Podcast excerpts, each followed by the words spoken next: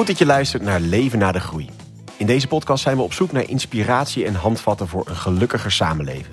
Binnen de draagkracht van mens en aarde. Maandelijks ga ik, Allard Amelink, in gesprek met Paul Schendeling... een van de oprichters van Just Enough en auteur van het boek Er is leven na de groei. We nemen een belangrijk thema van die maand onder de loep. En deze maand is dat de financiële sector. Banken liggen onder een vergrootglas. Er zijn protesten op de A10 tegen de investeringen van ING in de fossiele industrie. Milieudefensie die start een rechtszaak tegen diezelfde bank. En Achmea gaat na jaren eindelijk overstag... en komt de slachtoffers van de woekerpolissen die ze hebben aangesmeerd tegemoet. Maar het gaat gelukkig ondertussen heerlijk met de financiële sector. ING, ABN en de Rabobank boekten over 2023 respectievelijk 2,7 miljard, 7,3 miljard en 4,4 miljard euro winst. Voor ABN het beste jaar sinds 2007, voor de Rabobank zelfs het beste jaar ooit. Voor veel mensen is bestaanszekerheid een punt van zorg, voor banken in ieder geval niet. Hoe moeten we tegen de financiële sector aankijken vanuit leven naar de groei? Hoe dragen deze instellingen bij aan het mooier maken van mens en aarde? Nou, in deze aflevering bespreken we een sector die gezien en ongezien onze wereld vormt. We duiken in grote zaken waar je oren van zullen klapperen. Maar in de stijl van deze podcast gaan we ook naar oplossingen zoeken en het heel praktisch maken.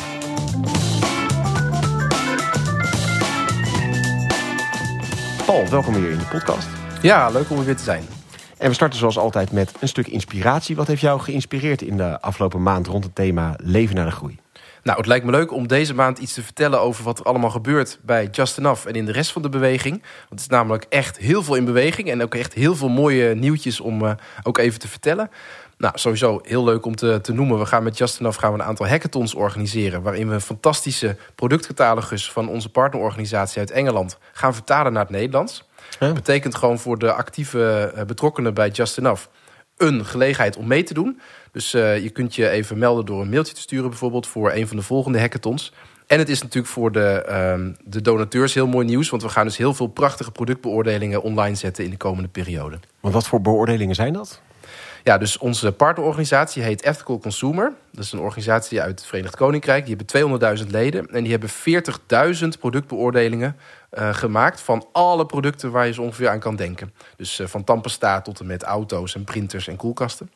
En allemaal beoordeeld op hoe draagt het bij aan positieve zin of negatieve zin aan de wereld. Ja, dus ze hebben echt helemaal de hele keten, productieketen, ongeacht waar de dingen worden gemaakt, uh, uitgespit en gekeken hoe wordt er omgegaan met mens en aarde.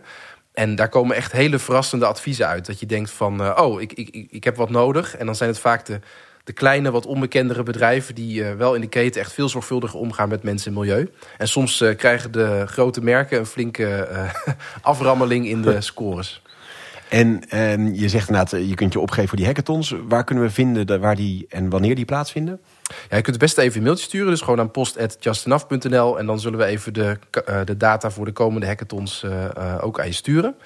En sowieso kun je de website in de gaten houden. Of even inschrijven voor de nieuwsbrief. Als je wil weten wanneer de eerstvolgende productbeoordelingen ook online gaan komen. En nog andere dingen die daar aankomen vanuit de stichting? Ja, er gebeuren ook nog andere mooie dingen. Dus van ons boek Ergens Leven naar de Groei komt inmiddels een achtste druk aan. Dus dat, dat dendert ook maar door. Echt heel mooi om te zien. We krijgen ook echt nog weer heel veel mooie uitnodigingen om uh, over ons boek te vertellen. Echt ook gewoon bij ministeries, bij grote bedrijven, bij de AFM, bij DNB. Echt bij hele gerespecteerde organisaties. Dus dat is echt heel tof om te zien. We hebben ook de afgelopen twee maanden van vier politieke partijen uh, een vraag gekregen. Dus zonder dat we daar actief achteraan zaten. Gewoon adviesvragen gehad. Van twee centrum-linkse partijen en van twee centrum-rechtse politieke partijen. Hm. Dus echt heel mooi om te zien dat de politiek ons beter weet te vinden voor goede adviezen over de economie. Het gaat veel over circulaire economie. Het gaat over economisch beleid. Het gaat over klimaatbeleid. Dus dat is echt wel heel uh, tof om te zien. En wat ook wel leuk is, we hebben natuurlijk ook een programma Leven van Genoeg. Het echt ja. gaat over de kern van ons verhaal. De hart van ons verhaal is dat je een vreugdevolle leven hebt als je leeft van genoeg. En we krijgen binnenkort in het Nederlands Dagblad een, uh, een wekelijkse rubriek in de Zaterdagkrant. Echt wel heel tof. Waarin we dus ook wekelijks uh, lezers kunnen meenemen in, uh, ja, in de reis naar een gelukkiger leven. Nou, ontzettend leuk. Ja, schrijf je zeker dus in voor die nieuwsbrief inderdaad om op de hoogte te blijven. En deel natuurlijk ook deze podcast en luister deze podcast om, om op de hoogte te blijven. Ja, en een bedankje ook aan alle luisteraars. Want ja, zoals jullie horen, het gaat dus gewoon echt heel goed met de beweging. Dus eigenlijk op alle vlakken, in alle programma's zijn we aan het groeien. En dat is vooral omdat er gewoon heel veel betrokken mensen zijn... die uh, een tip geven aan hun collega's of aan mensen om hen heen... Um, om met ons contact op te nemen. Want zoals ik al zei, we worden heel goed gevonden. Uh, ja, zelfs zodanig dat gewoon kranten ook ons benaderen. Kom een rubriek vullen, want we willen heel graag meer van jullie horen. En dat is echt door mond-tot-mond reclame van ook jullie als luisteraars. Dus uh, echt super bedankt uh, daarvoor. Ik liep laatst achter twee collega's ergens hier in de binnenstad van Utrecht. En er zat de ene het gloedvol te vertellen over jullie boek.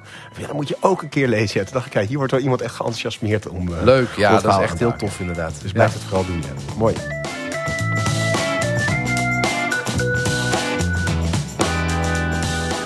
Ik startte net deze aflevering met een vrij cynisch verhaal over de financiële sector. Het onderwerp van deze aflevering. Enerzijds mega winsten, maar ja, wel allemaal verdiend aan zaken die ofwel de mens ofwel de aarde uitput. En Paul, we gaan nu inderdaad duiken in die hele wereld van de financiële sector. Een vrij ontransparante sector. Een sector waar je misschien een beetje denkt... daar heb ik eigenlijk als individu helemaal niet zo heel veel mee te maken... op dagdagelijkse basis. Maar die in hele grote mate onze wereld vormt om maar een beetje te beginnen, ja, ben ik terecht zo cynisch in mijn aftrap met mega winsten oh. en tegelijkertijd ja, ja, ja. Uh, ja, een vernietigende werking op aarde en mens. Nou, um, ja, zoals mijn vrouw kan bevestigen, uh, ik, ik ben echt een persoon bij wie het glas altijd half vol is. En echt verre van cynisch. Maar ik vind het echt oprecht heel moeilijk om inderdaad ook niet cynisch te zijn over deze sector. Ik, heb, uh, ik weet best veel van deze sector. Ik heb sowieso uh, bij mijn studie Algemene Economie natuurlijk veel te maken gehad, ook met uh, financiële economie. Ik heb stage gelopen bij een bank. Ik heb natuurlijk in de, in de overheidssector heel veel geadviseerd, ook bij bedrijven. ik kom nu heel vaak ook in gesprek met CEO's die zich afvragen hoe kan ik het anders doen met mijn bedrijf. En eigenlijk bij al die afwegingen kom ik ook continu ook wel de financiële sector in een negatieve rol tegen. Hm. Om bij dat laatste één voorbeeldje te noemen dat ik ook weer onlangs met uh, een CEO van een groot Nederlands productiebedrijf uh, sprak. Die eigenlijk ook vanwege gewoon een beroep dat familieleden op hem doen, best meer aan verduurzaming uh, wil doen. Maar die constant ook die druk voelt in de boardroom voor financiële afwegingen. kunnen we daar wel financiering voor krijgen? Wat vinden de aandeelhouders ervan? Ja, continu dat die financiële druk die van de sector uitgaat, jammer genoeg niet gericht is op de toekomst die we willen, maar eerder gericht is op een toekomst, uh, nou ja, laten we zeggen, het voortzetting van het slechte beleid wat we nu uh, hebben. Helaas. Maar je zou bij deze dingen kunnen zeggen, je zegt terecht financiële druk. Uh, je kunt ook zeggen, die mensen moeten gewoon wat beter weerstand bieden. het financiële systeem is misschien neutraal en draait gewoon, is een ja, soort taal waarin je praat of een medium waarmee je werkt, maar wat ten goede en ten slechte kan werken. Moeten we kritisch kijken naar die financiële sector of moeten we zelf beter handelen. En we in de zin van ook de CEO's, et cetera. Of zit er ook iets in dat financiële systeem zelf wat niet goed is? Nou, het, het, eerste wat jij zegt is eigenlijk ook wat ze bij de grote belangrijke toezichthouders van Nederland uh, zeggen. Uh, ik heb daar onlangs twee hele interessante kennissessies uh, gedaan, waarin wij ook vanuit postgroeiperspectief nou, ook gewoon wat kritische vragen hebben over het financiële systeem. Daar heel mooie gesprekken over hebben gevoerd bij de Nederlandse Bank, dat is de toezichthouder echt op het hele financiële systeem.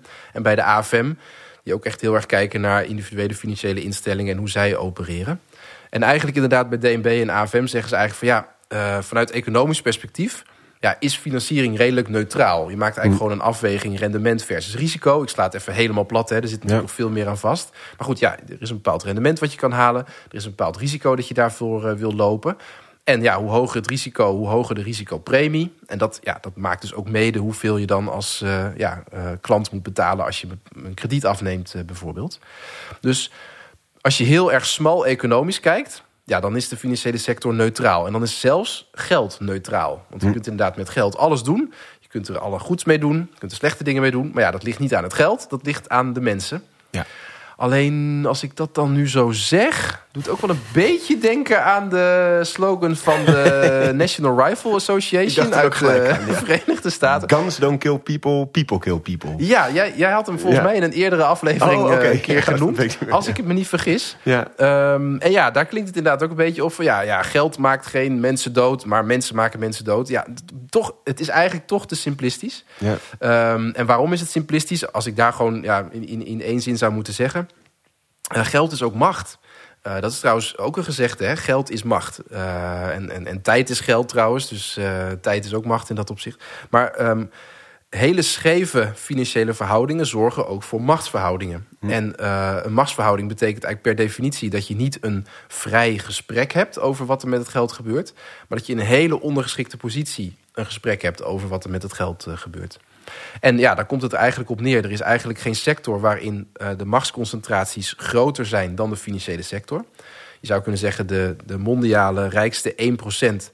Ja, die bezitten gewoon uh, meer dan de helft van het mondiale vermogen. En hebben daarmee dus ook echt, ja, als je het in termen van macht zou uitdrukken, ja. misschien heeft die ene procent ja, gewoon letterlijk wel, uh, financieel gesproken, de helft van de wereldmacht in handen. En dat klinkt heel dramatisch, maar dat gaat dus ook via allerlei hele gewone gesprekken. En dan kom ik toch weer op dat psychologische aspect. Dat gaat over een gesprek tussen een ondernemer en een bankier. Dat gaat over het gesprek tussen een CEO en een aandeelhouder. Dat eh, gaat over het gesprek over eh, ja, speculanten die speculeren op nou, de, de het omvallen van een bepaalde bedrijfstak. Dat zijn allemaal machtsspelletjes waarmee ook heel veel invloed wordt uitgeoefend op beslissingen van gewone mensen.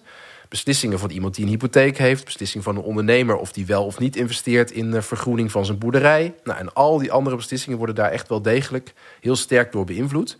Dus de stelling geld is neutraal, ja, die klopt gewoon in de praktijk uh, niet. Want op welke manier zit er dan die spanning in? Je noemt bijvoorbeeld een ondernemer en een bank. Hoe is dan hun verhouding? Waar zit dan die, die spanning of die machtsverhouding in? Ja, ik denk, dat, ik denk dat je de drie zou kunnen onderscheiden, of drie vormen van machtsuitoefening. Uh, de eerste is kredietverlening. De mhm. tweede, dat is aandeelhouderschap. Dat is natuurlijk eigenlijk ook een vorm van kredietverlening, maar dan niet door een bank, maar door aandeelhouders. Zo zou je het kunnen uitdrukken. Ja. En de derde vorm is speculatie. Dat is eigenlijk dat er eigendomspapieren zijn, waar dan weer ja, allerlei nieuwe eigendomsconstructies van worden gemaakt. En, en dat levert natuurlijk ook, uh, ja, dat noemen ze dan hefbomen of leverage, levert dat op. En dat zijn eigenlijk drie manieren waarop geld ook heel veel invloed heeft in de wat economen noemen reële economie. En voor de luisteraar, ja, reële economie betekent dus gewoon de economie van gewone mensen, ondernemers, consumenten en hun beslissingen die zij nemen. Ja, en, en wat is dan het tegenovergestelde van de reële economie? De financiële economie. Ah, ja. En de financiële economie die zou je ook virtueel kunnen noemen in dat opzicht. En dat is misschien dan even het eerste waar dan onze oren van gaan klapperen, maar wat wel echt waar is.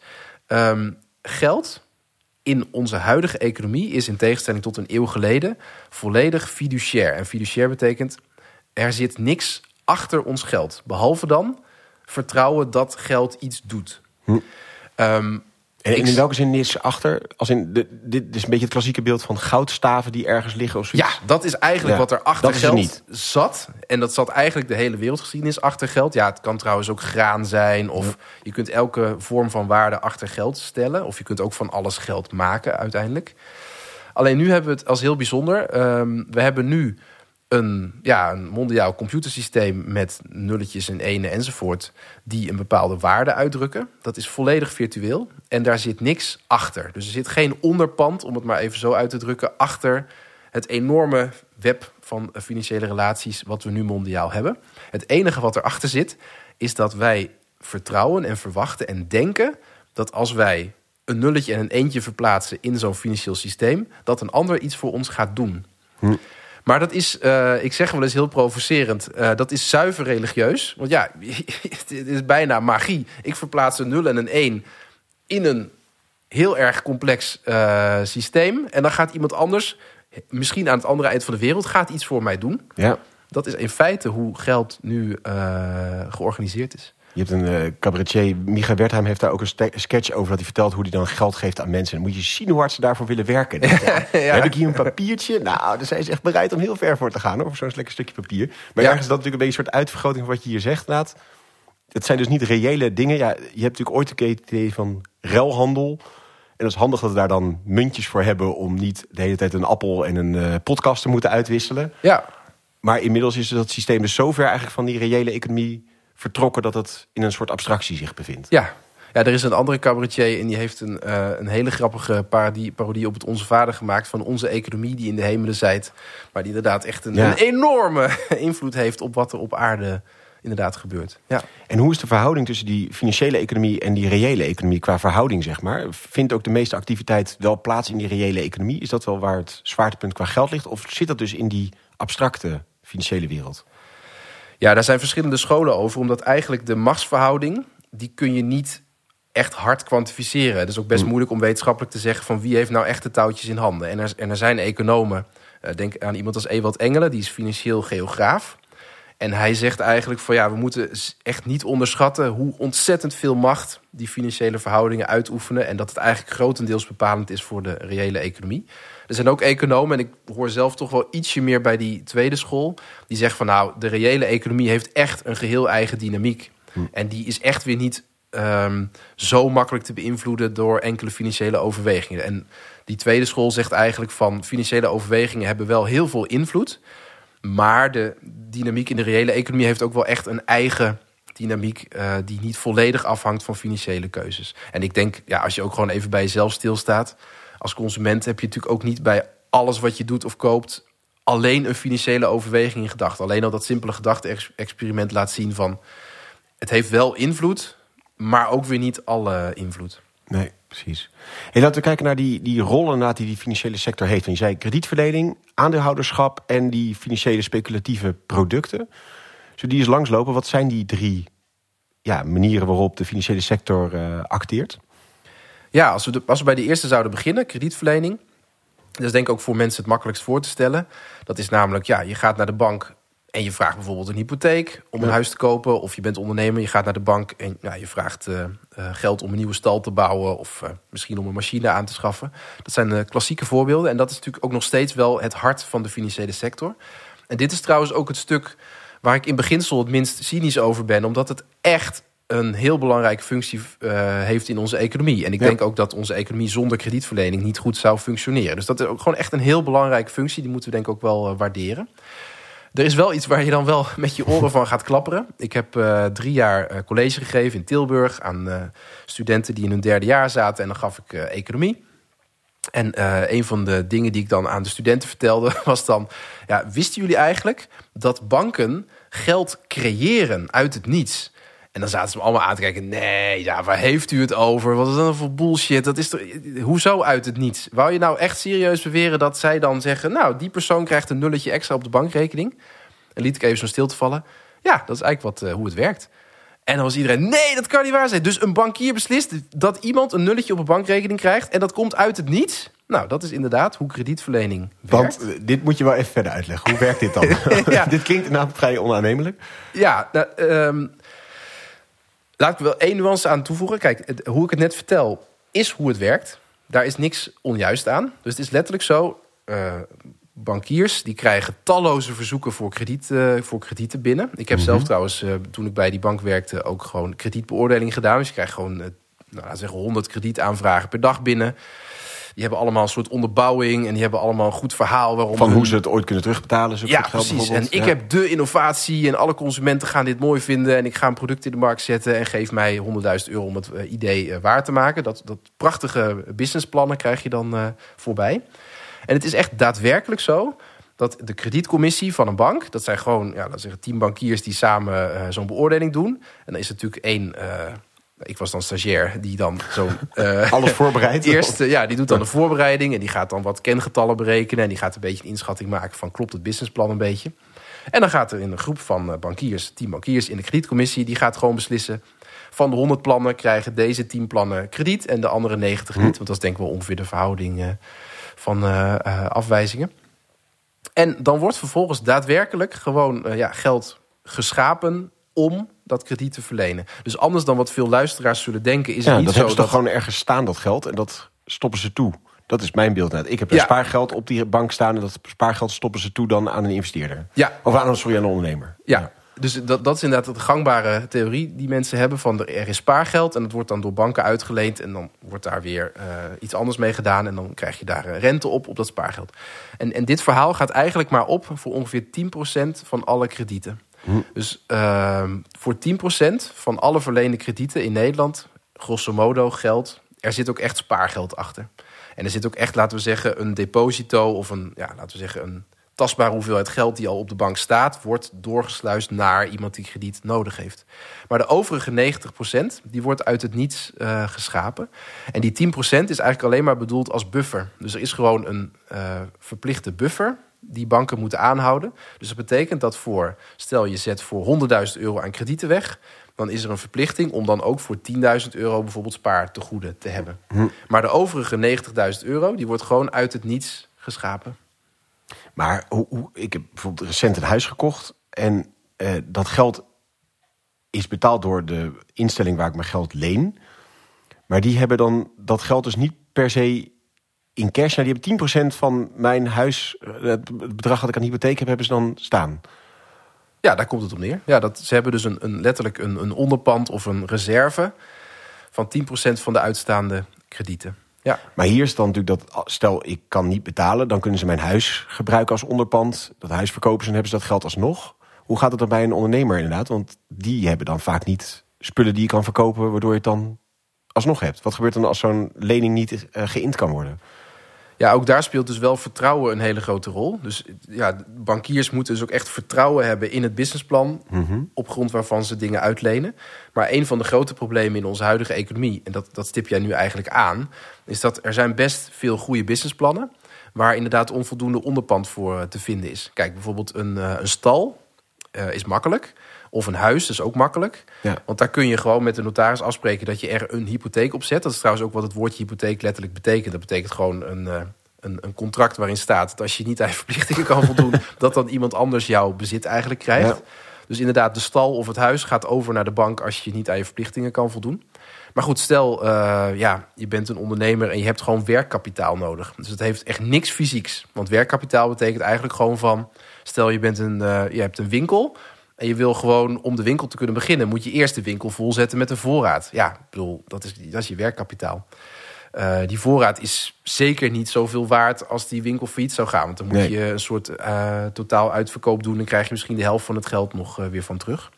Dus dan neemt de bank eigenlijk een behoorlijk risico om zo'n winkelier een krediet te geven.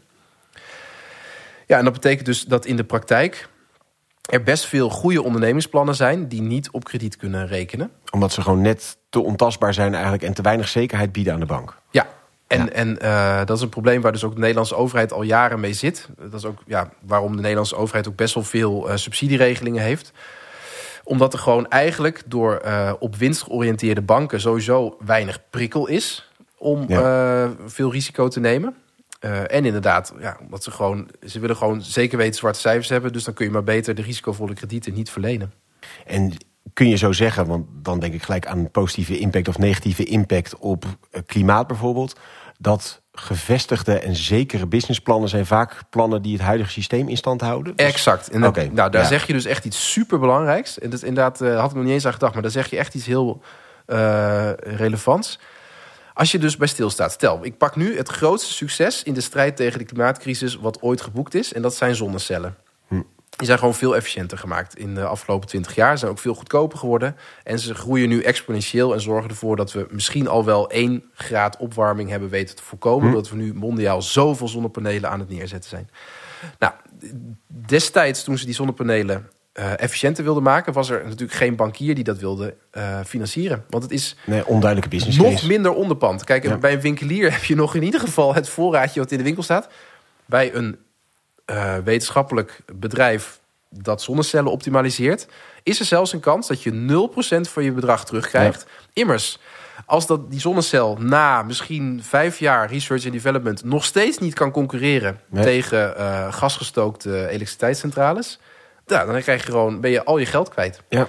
En dat is dus de reden dat overheden bij uh, bijvoorbeeld de ontwikkeling van zonnecellen een cruciale rol hebben gespeeld. Zonder overheden was dat nooit gelukt. Ja, die hebben een soort blanco cheque van ja, joh, het maakt niet uit of we terugkrijgen, maar we geloven dat dit een belangrijke innovatie is. Precies. Ja. S succes. En uh, zorg dat het lukt. Ja, ja, en dit is eigenlijk de essentie van wat kredietverlening is. En dit is ook de, de reden dat ik ook zeer kritisch ben over de financiële sector. Uh, geld is macht, heb ik net gezegd. Maar geld uh, wordt geschapen door bankiers. En, daar komt nog iets aan vast, geld schept een toekomst. En hm. daarom is jouw punt zo essentieel. Als wij besluiten om geld te scheppen voor zonnecellen, dan scheppen we de zonne-industrie van de toekomst. Als wij besluiten om geld te scheppen om nog meer uh, te gaan boren in de Noordzee naar olie, dan wordt er de olieindustrie van de toekomst ja. geschapen. En nou is mijn kernvraag aan de luisteraar. En dan mag je gewoon even als luisteraar zelf beantwoorden. Vinden wij het oké okay dat onze toekomst in belangrijke mate geschapen wordt door niet-democratisch gekozen bankiers die een winstoogmerk hebben? Nou, volgens mij de vraag stellen is de vraag uh, beantwoorden. Ja, dat is een hele heldere. Eén punt uh, wat je daarvoor nog zei is die, die verhouding 1 staat tot 10 van wat je daadwerkelijk als onderpand moet hebben. Wat is daar het, het risico of het probleem van, zeg maar?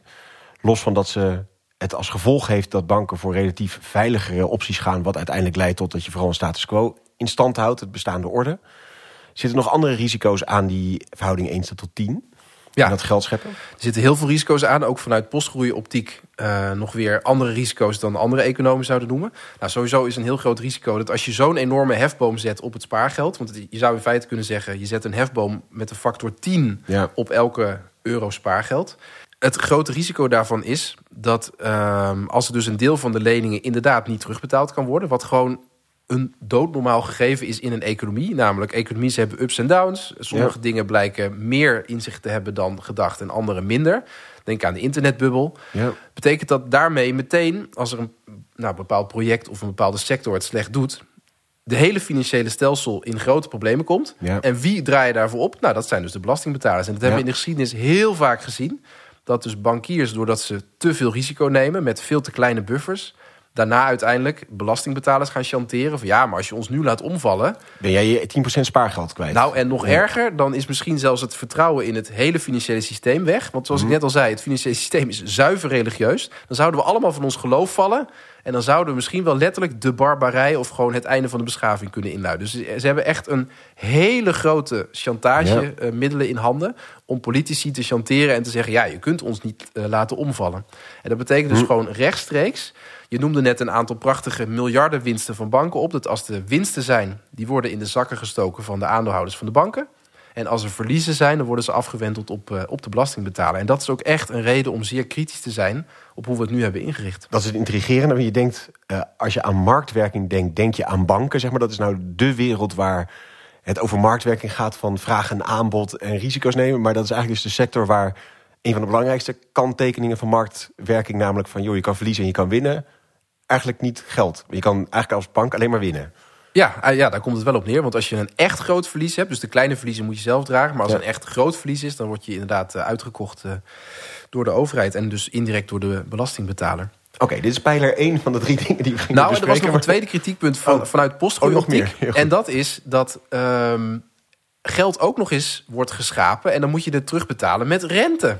Ja. En dat is iets wat wij heel gewoon vinden. Maar eigenlijk vanuit alle grote religies, als je alleen al de drie grote monotheïstische wereldreligies eh, neemt, het Jodendom, Christendom en de Islam, in eigenlijk, en, en waarschijnlijk dus ook in heel andere levensvrouwelijke tradities die ik nu niet kan overzien, is er heel fundamentele kritiek op geld scheppen met rente. Hm. Want wat je in feite doet, is de persoon zonder macht, oh je zou kunnen zeggen de persoon zonder vermogen, die wordt geacht om niet alleen maar ja, netjes het bedrag terug te betalen, maar ook nog eens een keer een paar maanden en misschien zelfs wel een paar jaar te werken extra voor iemand die wel macht heeft. Maar waar haalt die persoon met vermogen het recht vandaan om iemand gratis voor zich te laten werken? Want dat is natuurlijk de hm. fundamentele vraag achter de rente. En dit klinkt misschien als je als luisteraar denkt, ja, dit klinkt abstract, overkomt mij dit ook? Nou, ik kan je vertellen, als jij een hypotheek hebt, uh, beste luisteraar, dan overkomt jou dit ook. Als jij een hypotheek hebt van zeg 2,5 ton, met een redelijk gemiddeld rentepercentage, dan betaal je over de hele looptijd anderhalve ton aan rente.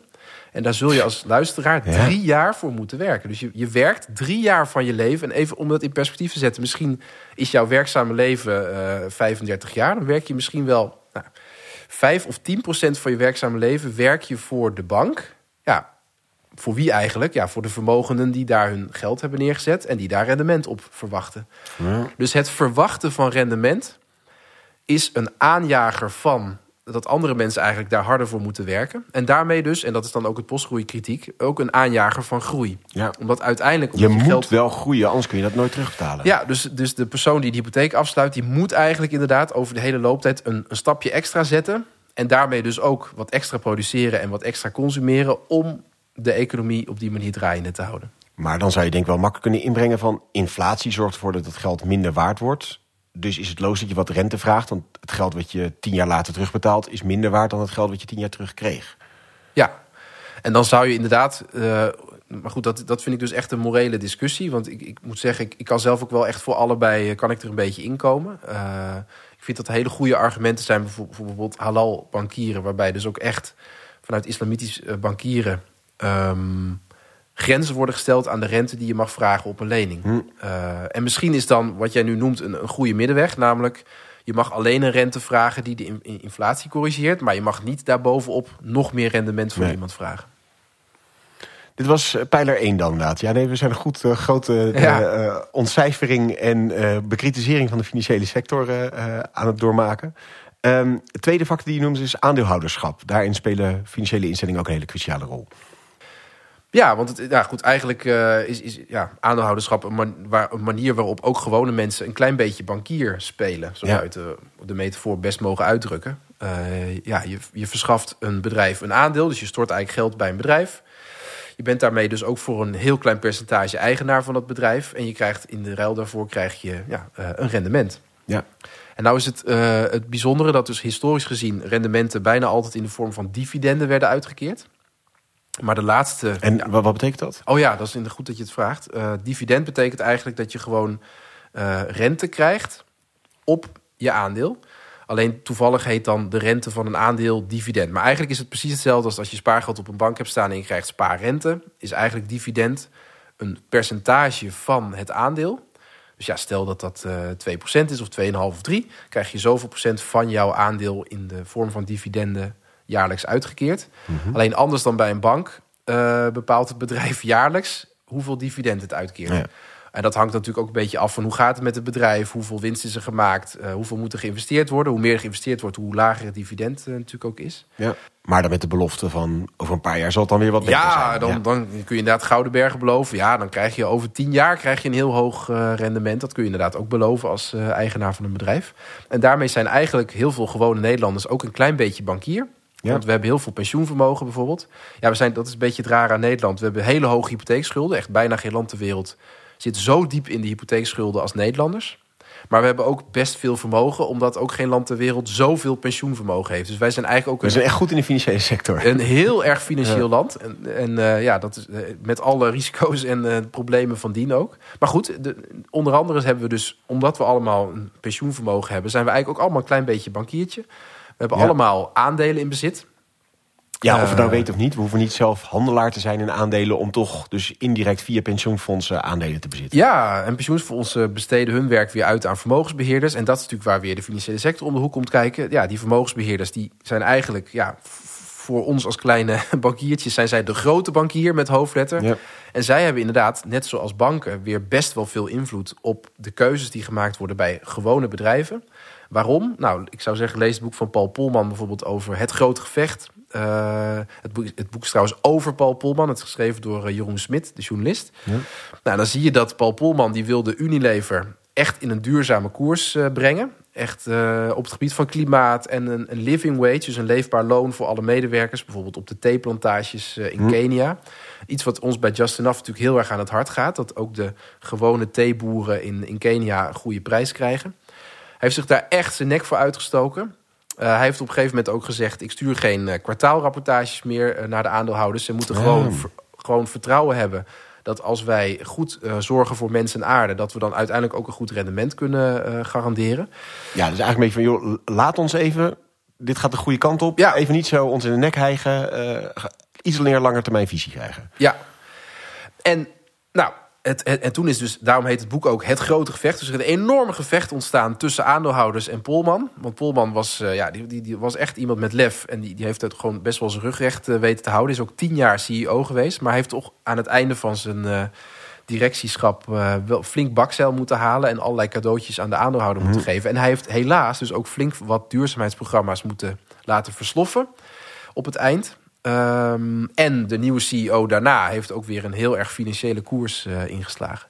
En dan zie je, en dat zijn dus de heel concrete voorbeelden waarin je ziet dat eigenlijk wij als minibankiertjes, want ja, ik vrees dat er dus ook, en dat is heel jammer om te moeten zeggen, maar mede namens ons druk uitgeoefend is op Paul Polman om een duurzaamheidskoers te laten varen. En uh, ja, daar laat je dus, daar wordt ook een beetje zichtbaar dat ook ja, aandeelhouderschap helaas vaak wordt ingezet voor de korte termijn doelen. Dat is gewoon eigenlijk hoe het financiële systeem continu ja. georiënteerd is. En de lange termijn doelen voor duurzaamheid, uh, ja, helaas uh, het onderspit delven. Ik was laatst bij een presentatie van uh, Carlijn Kingma. Ze heeft zo'n werk gemaakt op Waterworks of Money. Zo'n heel mm -hmm. grote tekending. Oh, ja. een linkje ja. in de show notes zetten. Heel indrukwekkend werk. Heeft onder andere met lector New Finance uh, Martijn van der Linden gemaakt. En die vertelde bij die presentatie uit hoe um, wij net ons, met onze pensioenen worden nou, van die vermogensbeheerders zitten daar dan op. Die kopen bijvoorbeeld ook vastgoed op in steden. Om die vervolgens ja. tegen hele hoge rentes weg te zetten. Ja. Met als gevolg dat eigenlijk al die mensen die hun pensioen bij de pensioenfonds hebben ondergebracht. niet meer kunnen wonen in die steden waar ze eerst nog wel konden wonen. Ja. En dat allemaal als doel om hun pensioen op lange termijn betaald te krijgen. Dus voor hun eigen toekomst kunnen ze nu niet meer wonen waar ze zouden willen wonen. Dus dat geeft ergens natuurlijk iets aan hoe krankzinnig dat systeem dan is. Zo kan het. Dus ergens snijdt het je helemaal in de vingers. Maar ja, zou het toch moeten bijdragen aan je eigen betere wereld of zoiets. Dus er is natuurlijk iets heel twistend in. Ja, en misschien, uh, om dan toch ook iets positiefs te zeggen over aanhouderschap, kun je het ook positief inzetten. Want misschien uh, denk je nu ook na over je eigen pensioen. En ik, ik had het eigenlijk een beetje voor het laatst willen bewaren. Maar misschien om één tip alvast mm te noemen. Stel je hebt zelf pensioen. Is er dan ook een manier om het ja, zo in te zetten dat het wel bijdraagt aan de lange termijn? Nou, gelukkig kan het wel. Um, je, er zijn namelijk wel echt bedrijven die veel meer lange termijn georiënteerd zijn. En er zijn ook manieren om uh, krediet te verlenen of vermogen te verstrekken zonder dat het ja, op zo'n hele heigerige korte termijn manier uh, hoeft te gebeuren. Dat heet ook wel impact beleggen. Dat is sterk in opkomst. Hm. En ik zou je ook echt aanraden als je zelf bij een pensioenfonds zit om gewoon eens te informeren welk percentage van mijn inleg wordt aan in, impact beleggen besteed. Misschien om even heel kort uit te leggen, zodat je die vraag goed aan je pensioenfonds kan stellen. Je kunt als vermogensbeheerder geld op drie manieren beleggen. De eerste is gewoon uh, alleen maar op rendement gericht. Ja. De tweede vorm is, dat heet ESG beleggen. Dat heet Environment, Social and Governance. En dat betekent dat er een soort ja, minimumstandaarden voor milieu, mens en bestuur van het bedrijf gelden. Maar bijna alle experts zijn het erover eens dat dat wel hele makkelijke standaarden zijn. Ja, dat is meer dat je de allerergste dingen niet doet, maar ja, één tandje eronder. Precies, ja. Dan, ja, dat is een heel goede samenvatting. De allerergste dingen worden uitgefilterd.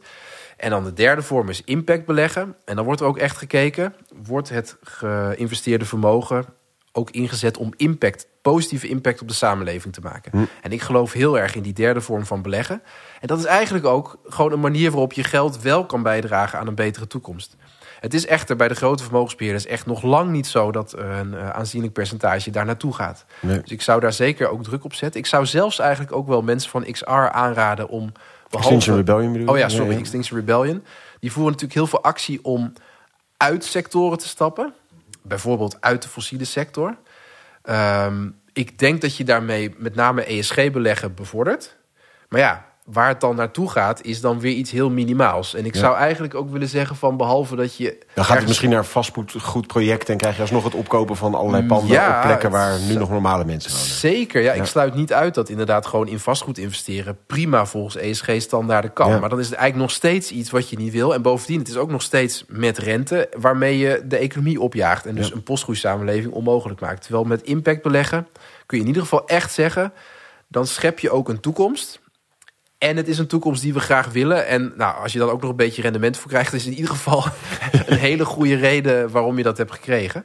En er zijn er ook gewoon banken uh, als ASN en Triodos, die eigenlijk gewoon alleen maar aan impact investeren hm. doen. Die eigenlijk gewoon aan de voorkant hele impact criteria hebben van we willen de wereld zo achterlaten en dan willen we daar specifiek in investeren. Dus dat, uh, dat is ook een manier.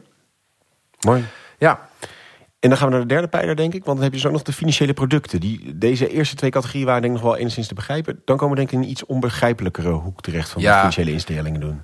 Daar kan ik inderdaad ook eerlijk over zijn hoor. Die, die derde categorie, volgens mij snapt bijna niemand dat, behalve een paar wiskundigen bij uh, ja, hele grote investeringsbanken. Je hebt zo die film The Big Short, waar dan ja, een dame in lingerie in een uh, zwembad probeert dan uit te leggen aan je hoe dat dan werkt. Maar dat is, hebben ze een beetje als een soort inzet gedaan om proberen zulke soort complexe producten uit te leggen. Ja. Um, maar goed, dat, uh, dat is een moeilijke poging om dat dus helder te krijgen. Ja, en als ik het in eigen woorden zou moeten doen, dat is heel veel vormen van. Ehm, investeren gaan dus ook met eigenaarschap. En je kunt die vormen van uh, eigenaarschap of onderpanden, die kun je ook weer allemaal opknippen. Dus bijvoorbeeld waar het bij de financiële crisis in 2008 is misgegaan, dan hadden ze gewoon de hele hypotheekportefeuille van grote banken in Amerika hadden ze opgeknipt. En dan hadden ze de slechte stukjes van de portefeuille. Dus dat wil eigenlijk zeggen de klanten die, waarbij de kans het grootst was dat ze niet aan hun verplichtingen konden voldoen. Mhm. Die hebben ze een beetje gehusseld en gemengd met andere producten.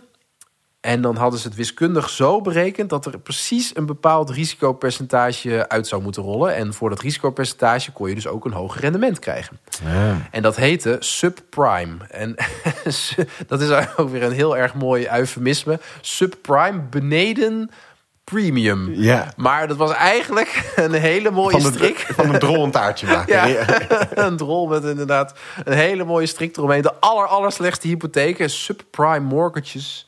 En die werden dan in stukjes geknipt en die werden dan in hele nieuwe eigendomspapieren weer verpakt. En dat heette dan derivaten, want dat, ja, derivaat betekent gewoon een afgeleid product. Ja, want het is een product van een product eigenlijk. Ja, iets in stukjes geknipt en weer bij elkaar gehusseld. En dan weer een mooie strik eromheen. Dat is dan het product en er hoort dan een risicocategorie bij en een rendement. En die subprimes die konden natuurlijk een hoger rendement geven, omdat ze meer risico uh, in zich droegen. Maar ja, als er dan uh, je risico-inschatting niet klopt, want ja, de wereld houdt zich niet aan jouw wiskundige theorie, ja, dan heb je dus een heel slecht product gekocht. En, ja, uh, en snap je ook het kaartenhuisgevoel? Want als dus dan na één kaart wegvalt, dan stort het niveau daarachter ook in en dan krijg je een soort kettingreactie aan allerlei producten die dus instorten. Ja. Als nou blijkt dat die hypotheken niet inbaar zijn, bijvoorbeeld. Ja, en inmiddels, en, en dat is dan uh, misschien ook om de, de luisteraar niet verder te verwarren, maar het punt waar, waar je dan een beetje op terug kan komen is in de zin van, ja, er worden kredieten verleend. Uh, dat, dat was ook het stukje waarvan ik net dacht, nou, dat is best nuttig. Daarmee maak je in de reële economie nieuwe dingen mogelijk. Maar die afgeleide producten, die dragen eigenlijk nauwelijks bij aan de reële economie.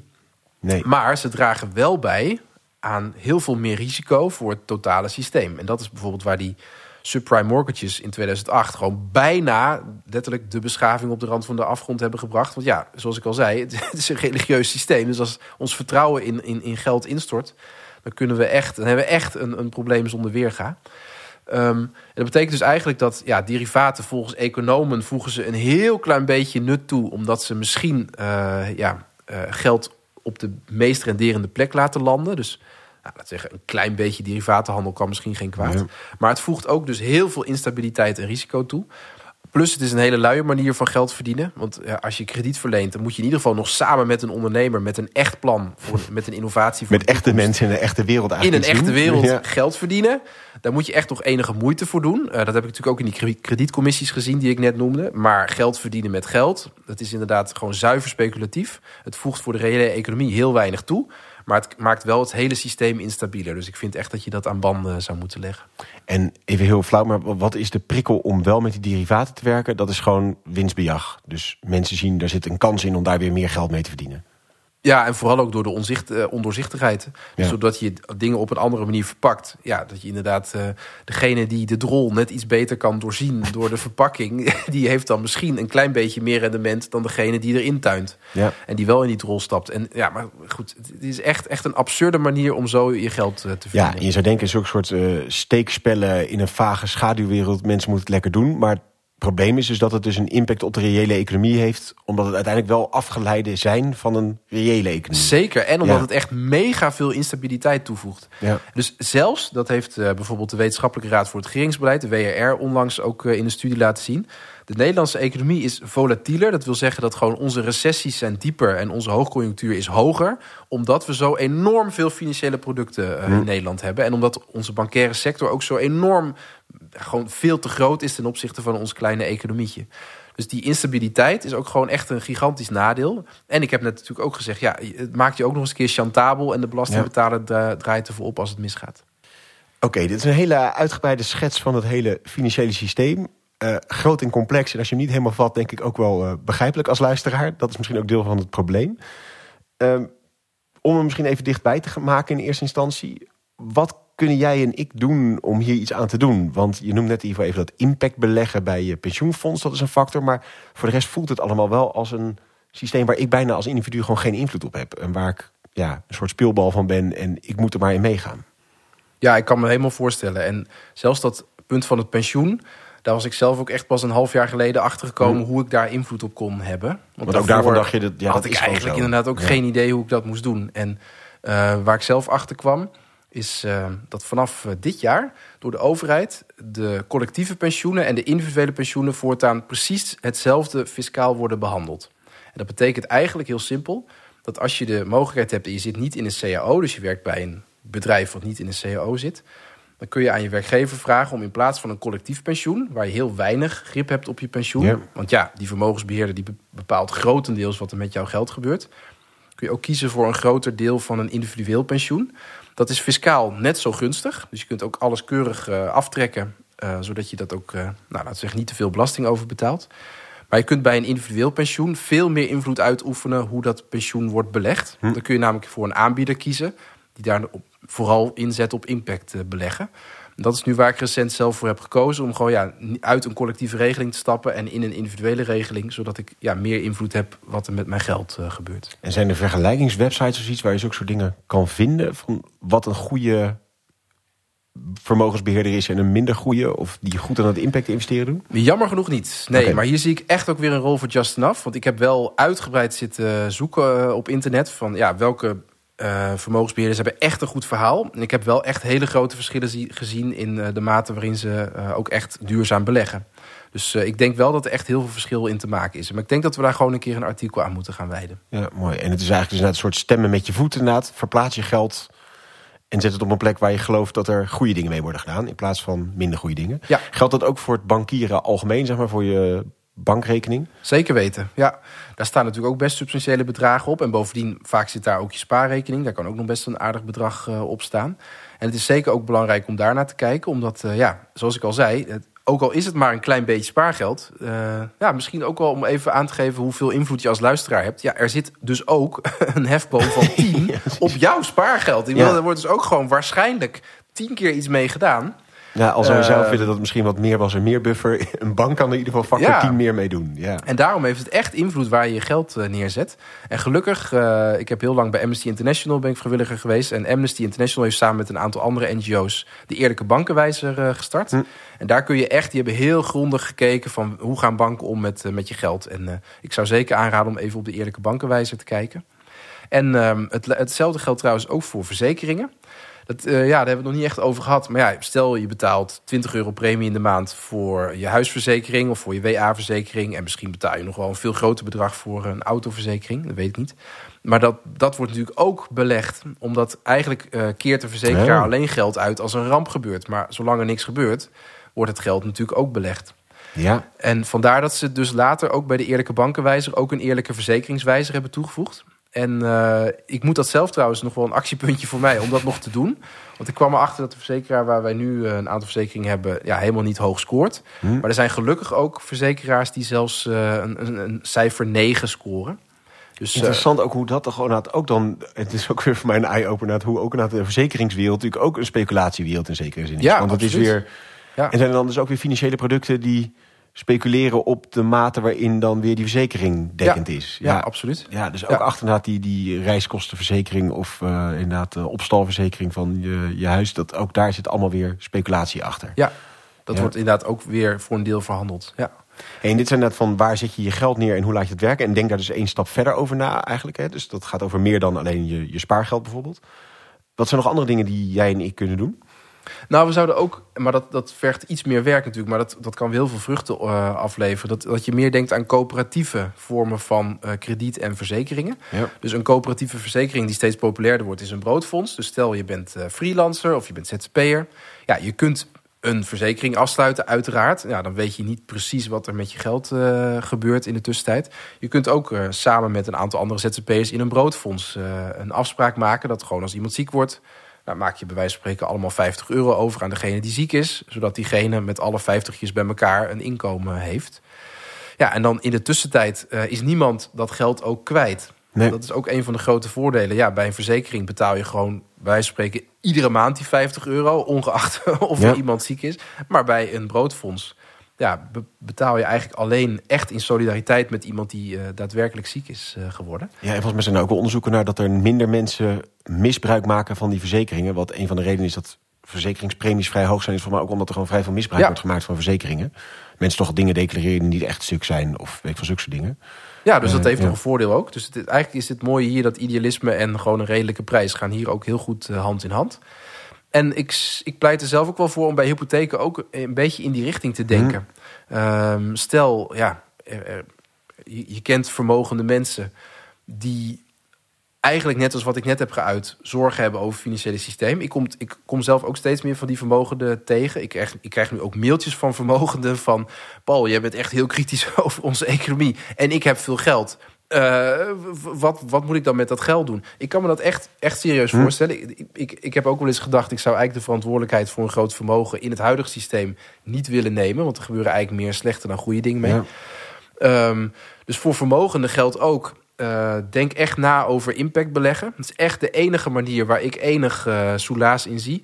Er is ook natuurlijk een enorm investeringsgat voor duurzame energie. Ja. Daar hebben we het in een eerdere podcast aflevering over gehad. Internationaal al helemaal was daar een conclusie toen. Zeker in het mondiale zuiden. Dus denk ook eens na als je zelf veel geld hebt.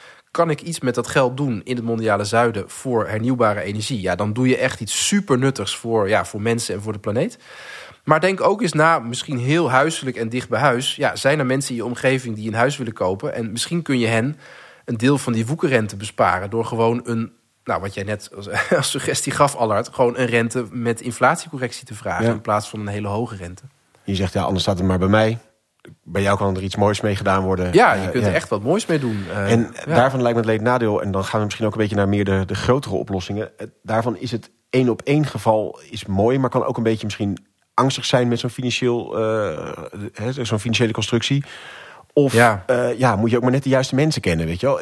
Bestaan er ook initiatieven die eigenlijk wel een financiële instelling zijn, maar gewoon zich helemaal onttrekken aan het systeem. Dus dat je een soort bank voor mensen die geld over hebben en dat aan goede dingen willen doen. Hè, daar een soort intermediair voor. Eigenlijk een hele klassieke bankfunctie. Een ja. bescheiden bank. Die zijn er wel. Op zich, uh, ik heb net ASN Triodos genoemd. Die hebben, zijn eigenlijk ook een soort intermediair van toekomstprojecten waar, waar echt gewoon geld nodig is voor een toekomst die we samen willen, willen creëren met elkaar. Ik denk ook aan een partij als Oiko Credit, oh ja. die ook gewoon echt hele nuttige dingen doen. Want er zijn natuurlijk gewoon superveel nieuwe business ideeën ook in het mondiale zuiden. Maar ja, daar zijn traditionele banken al helemaal uh, niet uh, te vinden.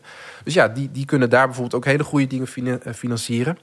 Ik denk aan hele simpele voorbeelden zoals uh, als je ja, alleen al kooktoestellen of kleine winkeltjes ja, in het mondiale zuiden zou financieren. Dat, dat je ook echt mensen uit de armoede daarmee kunt halen. Dus er zijn gelukkig wel dat soort intermediairs ook uh, te vinden. En ik begreep ook laatst, dat hoorde ik dan weer bij een andere podcast, dat er nu ook meer nagedacht wordt uh, ja, over gemeenschappelijk uh, bankieren, zoals je nu ook gemeenschappelijke verzekeringen hebt in de vorm van een broodfonds. Zo zou je misschien ook kunnen nadenken over ja, gemeenschappelijk je geld beheren. Hm. Alleen voor zover ik weet, is daar nog niet echt een, een instituut voor. Maar goed, bijvoorbeeld de Rabobank, die is wel ooit zo begonnen. We hadden in het begin, uh, denk ik, terecht kritiek op de Rabobank.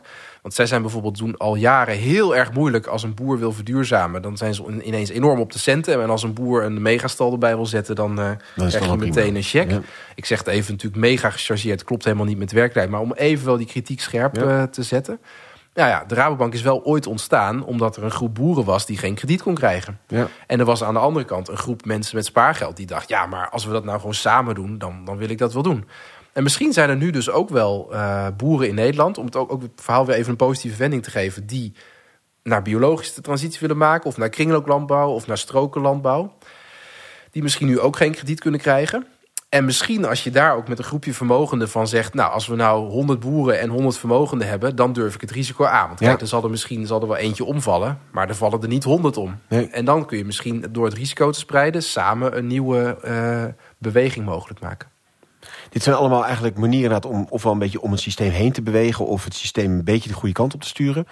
Zou je zeggen dat zulke soort aanpassingen voldoende zijn voor het systeem? Of zeg je wel, zoals we het net helemaal schetsen... het moet gewoon eigenlijk wel helemaal radicaal anders... Of is het dat je zegt, nou, beetje bijsturing, beetje scherpe kantjes eraf, dan is het eigenlijk gewoon prima.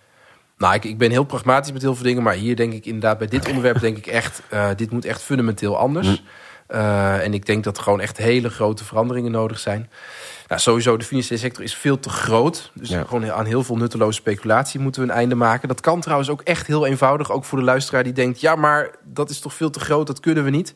Zelfs al zou je maar een, uh, elke financiële transactie voor 0,01% belasten...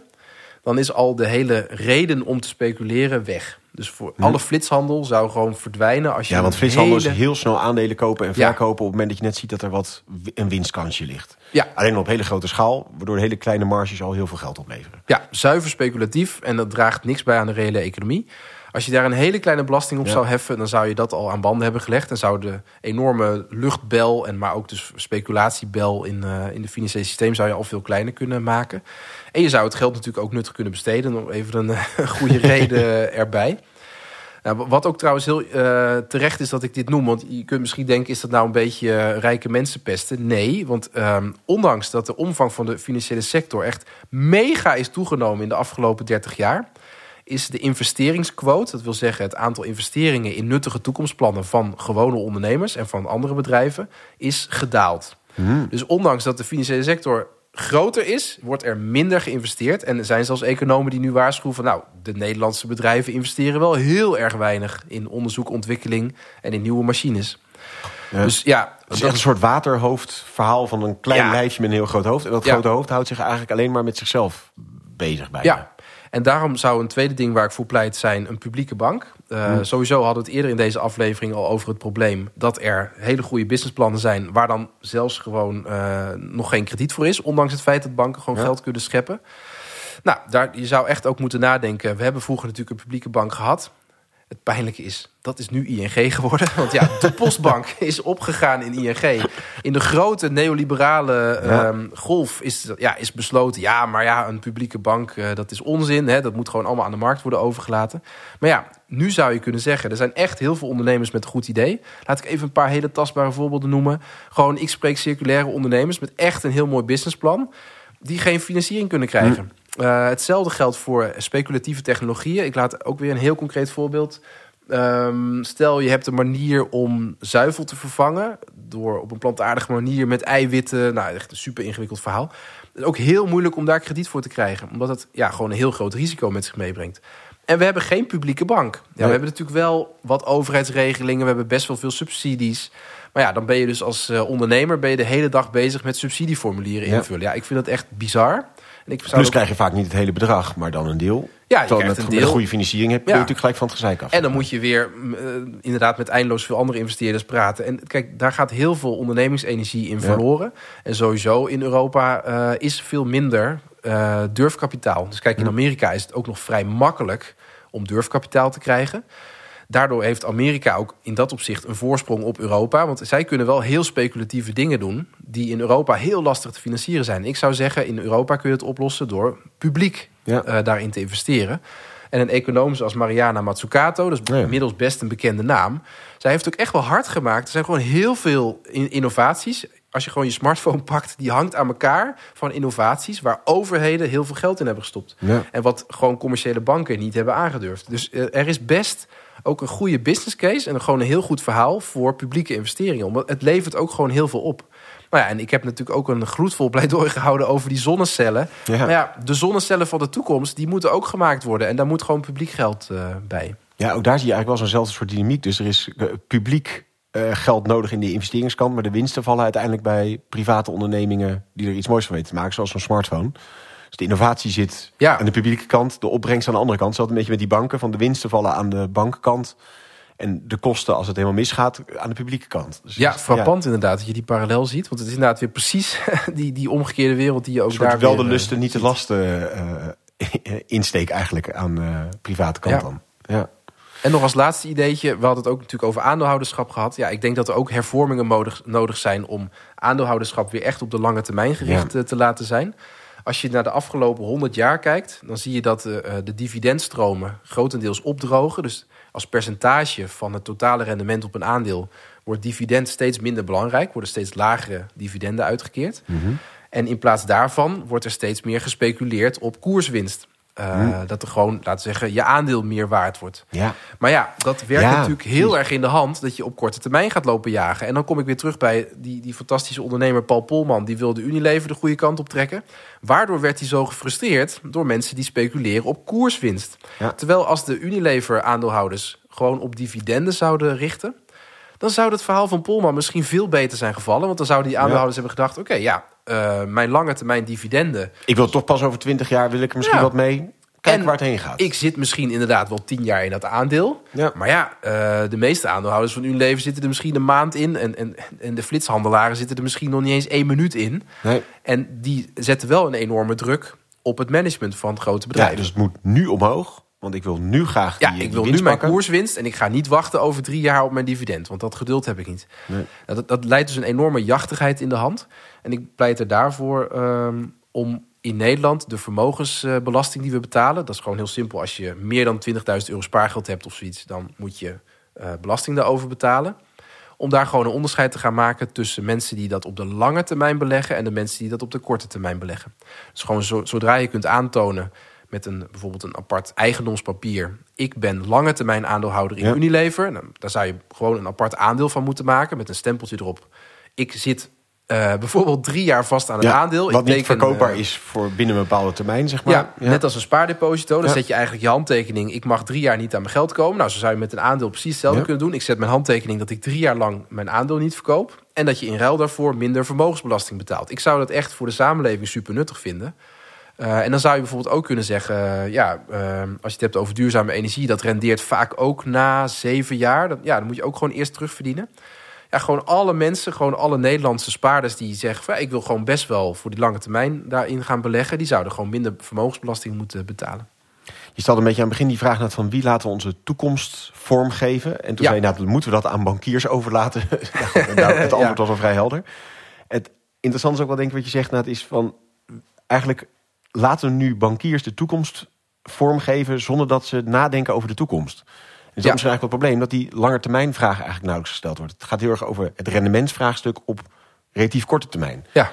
Dus laten we eigenlijk de vraag over aan mensen die die vraag helemaal niet stellen. En dat is misschien eigenlijk het meest fundamentele fout. Ze zeggen niet eens het verkeerde antwoord, maar ze, ze stellen zich de vraag eigenlijk niet. Ja. Want het gaat over de winst, het gaat over rendement wat je haalt.